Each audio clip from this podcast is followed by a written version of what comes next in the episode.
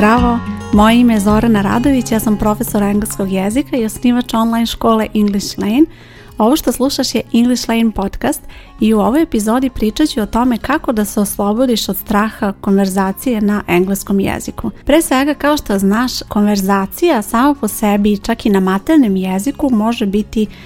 vrlo onako stresna. Samo zamisli one situacije kada si bila na nekom razgovoru za posao ili recimo kada si slučajno otišla da tražiš slobodan dan ili možda čak i povišicu na poslu i nekad ni na maternim jeziku ne znaš koju reč da izabereš i kako sve to da sročiš i e, onda sad zamisli da ti se sve te neke situacije dešavaju, a da to sve treba da kažeš na stranom jeziku gde nemaš dovoljno sigurnosti i gde e, čak možda nemaš ni dovoljno znanja oko nekih reći, izraza i tako dalje i sasvim je normalno da u tom trenutku osjećaš strah normalno je da osjećaš da e, ti se znoje dlanovi, da imaš neku ovako skoro pa paniku, da bi onako samo da se skloniš negde i da jednostavno izađeš iz te situacije, ali to je sasvim normalno i jednostavno to je deo učenja. Ono što ti treba da uradiš je da probaš da sebi olakšaš i da kroz ove neke strategije koje ću ti ja ovdje dati da vremenom se oslobađaš od tog straha i da vremenom stičeš sigurnost koja će ti omogućiti da kada treba da pričaš na engleskom da pričaš najbolje što možeš u tom trenutku. Prvi savjet koji ću ti dati je da vežbaš gramatiku.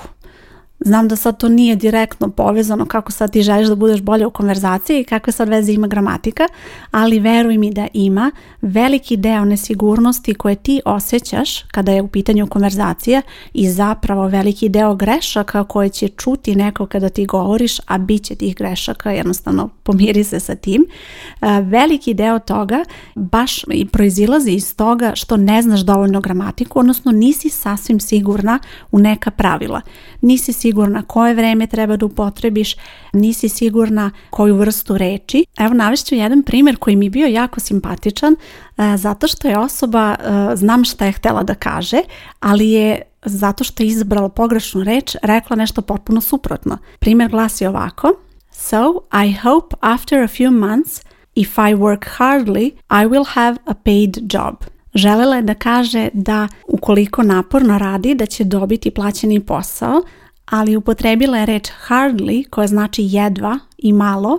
i onda je potpuno promijenila značenje ove rečenice i zapravo je rekla suprotno. Rekla je da ako jedva radi, ako i malo radi, dobit će plaćeni posao, što naravno nije želela, ali eto, samo tu jednu reč je pogrešno upotrebila i onda potpuno promijenila smisao rečenice. Zato je važno da vežbaš gramatiku, da vežbaš pravila i da budeš sigurna kada to treba da upotrebiš u konverzaciji. Naravno, osim gramatike bitno je da učiš i nove reči, jer sve to zajedno čini jezik i sve je to nešto što ćeš koristiti kada treba da odgovoriš na neko pitanje, da nešto opišeš, da kažeš, da ti pitaš nešto i tako dalje. Druga stvar koja će ti pomoći da se oslobodiš straha od konverzacije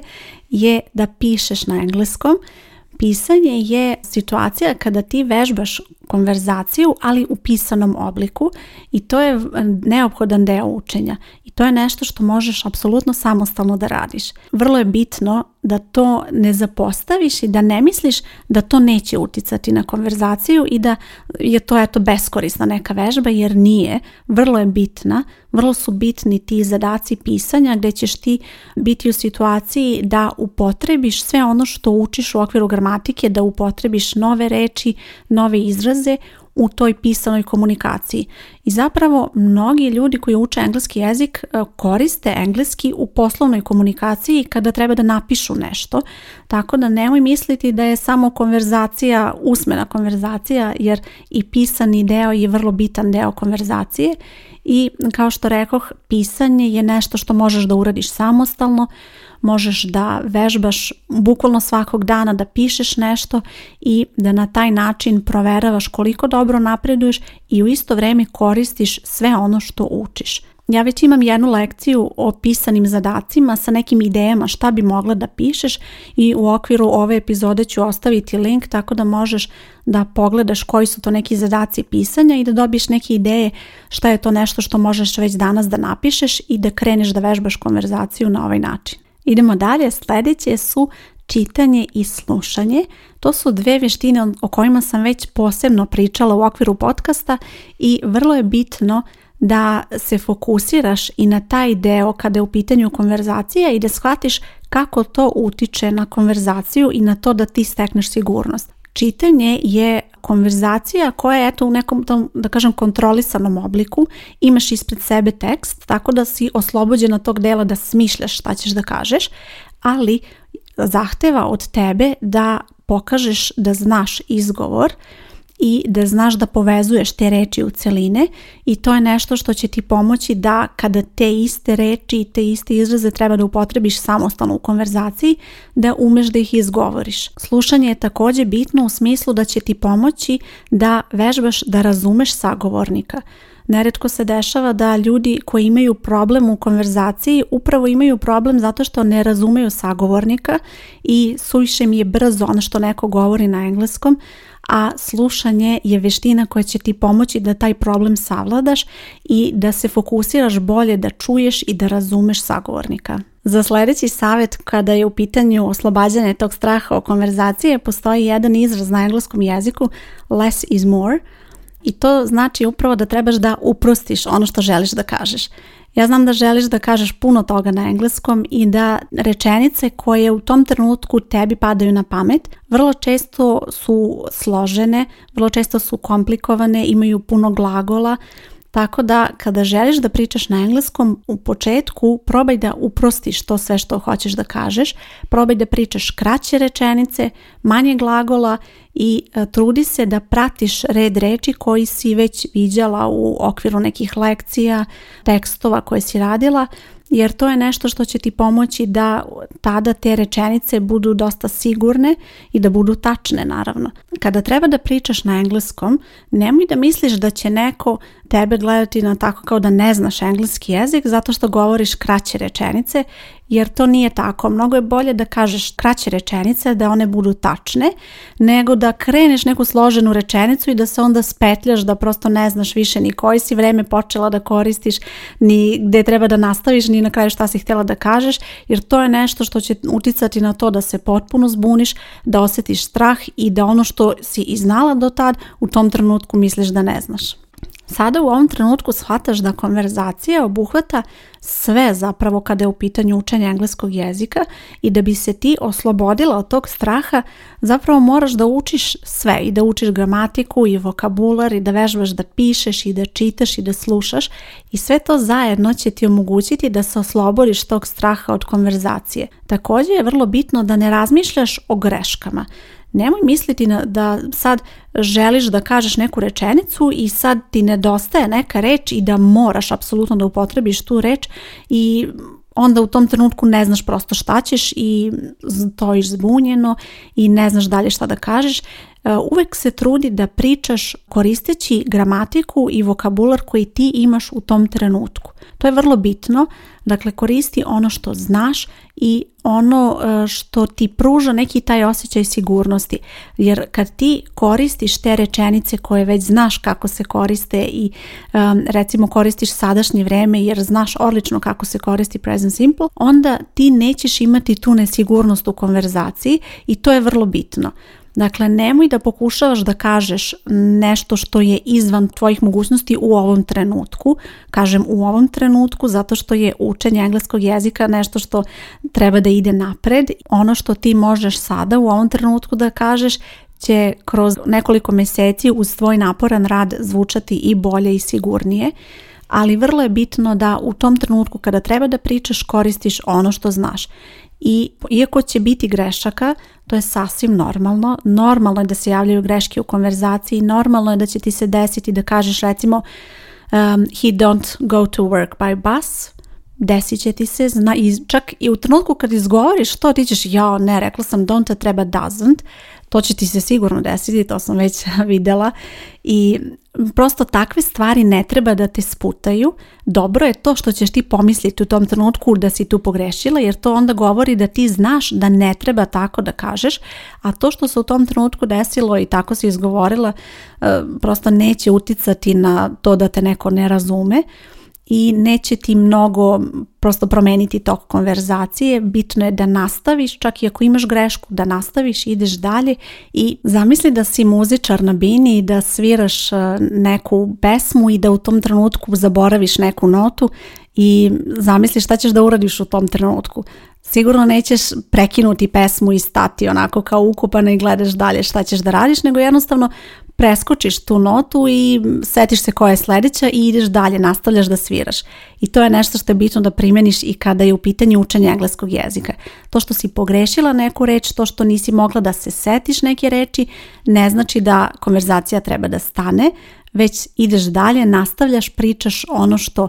si dalje htjela da kažeš i kažem vremenom će vežbom tvojom to sve biti bolje i sigurnije. I posljednji savjet koji ću ti dati je da pričaš na engleskom. To je nešto što ti je neophodno i znam da nije lako naći priliku da pričaš na engleskom. To je nešto što jednostavno ne možeš samostalno. Iako recimo možeš da čitaš samostalno, možeš da pišeš na engleskom samostalno, konverzacija uživo, to jest govor sa nekim nije nešto što možeš da uradiš sama i potpuno te razumem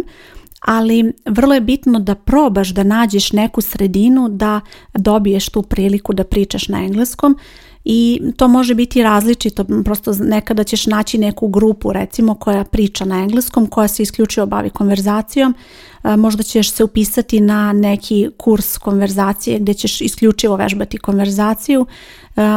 neke časove, Možda ćeš ići na neko putovanje pa ćeš prosto doći u situaciju da ćeš imati priliku da pričaš na engleskom, ali bitno je da sebi obezbediš tu priliku i da imaš mogućnost da pričaš na engleskom jeziku i to nije bitno da to, to ne mora biti svaki dan, ali bitno je da imaš priliku, da imaš tu rutinu da redovno koristiš engleski jezik, da zapravo redovno primenjuješ sve ovo što učiš. I onda shvataš eto da konverzacija je zapravo taj posljednji korak ne možeš da kreneš sa konverzacijom i da očekuješ da će odmah sve to krenuti samo po sebi, već je bitno da uz konverzaciju učiš i gramatiku, da učiš nove reči, da učiš sve ovo ostalo što sam navela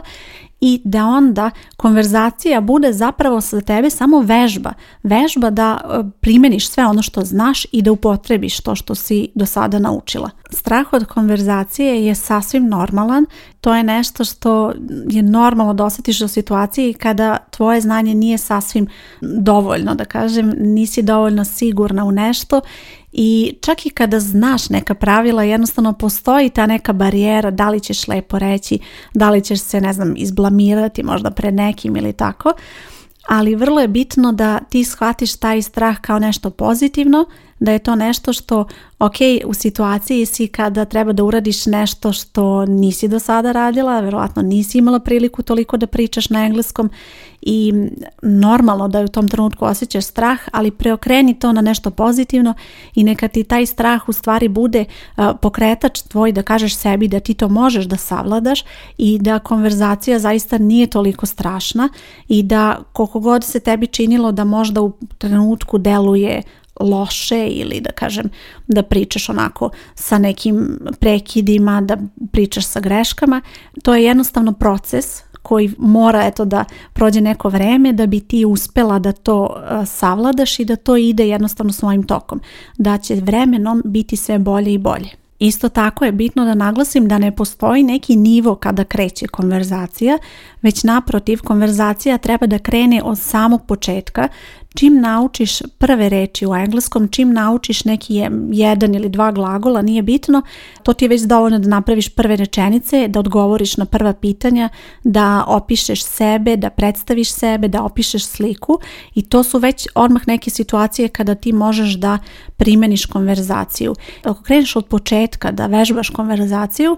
taj tvoj strah neće biti tako veliki i nećeš doći u situaciju da recimo budeš i na srednjem nivou, a da i dalje imaš strah od konverzacije, jer je to nešto što ćeš ti vežbati od samog početka. Znaš i sama kada nemaš iskustva u nekoj oblasti i kada treba nešto da uradiš po prvi put, jednostavno strah je uvijek prisutan, ali ako je konverzacija nešto što usvojiš vrlo rano kada je u pitanju učenja engleskog jezika,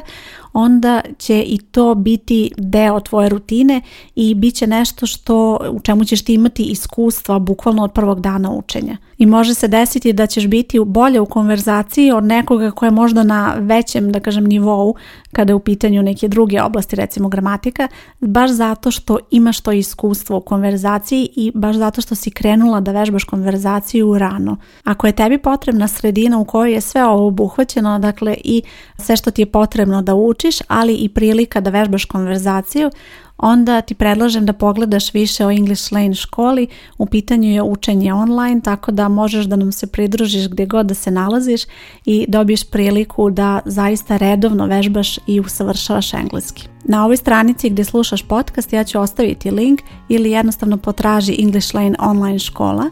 i vidjet ćeš sve informacije o školi i kako i ti možeš da se prijaviš za učenje i postaneš član. Nadam se da će ti ovi savjeti biti korisni i da ćeš sljedeći put kada budeš u situaciji da pričaš na engleskom biti opuštenija znajući sve ovo što sada znaš.